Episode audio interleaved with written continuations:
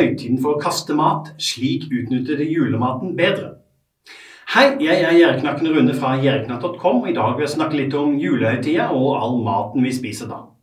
Dessverre er det ikke alt som havner i magen. Forferdelig mye havner rett i søppelbøtta, fordi det er vanskelig å planlegge mengde og handle det som faktisk blir spist. I jula og romjula koser vi oss med lekre matretter, dessert og kaker. Ikke akkurat fordi vi trenger maten, men fordi det hører med til kosen, enten vi sitter sammen med familien eller venner. Slik har det vært i hundrevis av år, men i dag kjører vi på med ekstra snacks og søtsaker til alle døgnets tider i juleferien. De fleste er redde for å ha for lite mat tilgjengelig i jula, selv om vi innerst inne godt vet at det neppe kommer til å være noe problem i det hele tatt. Vi handler og handler, gjerne på impuls og totalt uten planlegging. Da er det ikke rart at kjøleskapet og fryseren nesten sprekker, og kanskje vi også, når feriedagene og fetedagene er omme og den dårlige samvittigheten trår til. Får man venner og familie på besøk, skal man for all del ha nok snacks og mat tilgjengelig. Ingen skal ha grunn til å klage. Men konsekvensen er dessverre nærliggende. Med dårlig planlegging og fantasi havner rester og matvarer ofte i søpla. Mange er usikre på planlegging og hvor mye mat de skal kjøpe inn til jul. Uansett eh, hva du måtte hevde, så tviler jeg ikke på at du sitter igjen med store mengder rester som du ikke veit hva du skal gjøre med. Eller kanskje akkurat du mener å ha god samvittighet, men folk flest kaster dessverre i vilden sky. Nå har du kanskje handla inn alt du mener å trenge i jula, og de første dagene av romjula, og da er det jo i praksis for seint å planlegge. Men det er likevel ikke for seint å unngå matsvinn.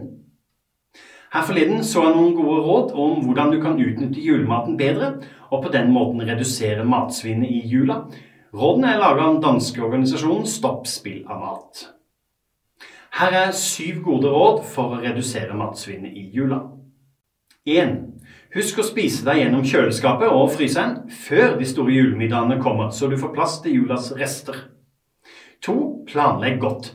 Visst skal det bugne litt i jula, men ikke overdriv. Kommer det fem gjester på julemiddag, behøver man ikke lage mat til åtte. 3. Husk å føre juledagbok. Skriv ned hvilke feilberegninger du gjorde i år, så du ikke gjør samme feila igjen til neste år. Har tante Ruth en lei tendens til å sovne allerede etter hovedretten, behøver du kanskje ikke regne med dessert til henne. 4. Mindre porsjoner. Å moderere porsjonsstørrelsen er bra både for miljøet og helsa. Selv om det er jul, så er det ingen grunn til å overfòre verken gjestene eller søppelkassa. 5. Sett maten gradvis på bordet. Har du likevel laga mat til åtte, selv om det bare er fem gjester, så er det kanskje ikke nødvendig å sette alt på bordet med en gang. Ha heller overskuddet i bakhånd, sånn at det ikke står og blir ødelagt på bordet i fem timer. Og kanskje noen ønsker å få med seg litt hjem i en doggybag. 6. Det fins utrolig mye godt du kan bruke restene til. Et ribbesmørbrød, en wrap med pinnekjøtt eller små lekre tapasretter med pølser og rødkål. Mulighetene er mange. Du finner masse kreative oppskrifter på nettet, og i jula har du tid til å eksperimentere litt. 7. Har du blingsa fullstendig med mengdene, kan du jo invitere familie, venner eller naboer til etterpålag i romjula. Kjekt som en avslutning på julematgalskapen. Takk for meg. Dersom du likte dette innlegget, håper du har lyst til å ta en titt på nettsida mi, jerriknatt.com, og ellers følg meg på sosiale medier som YouTube, Facebook, Snapchat og Instagram.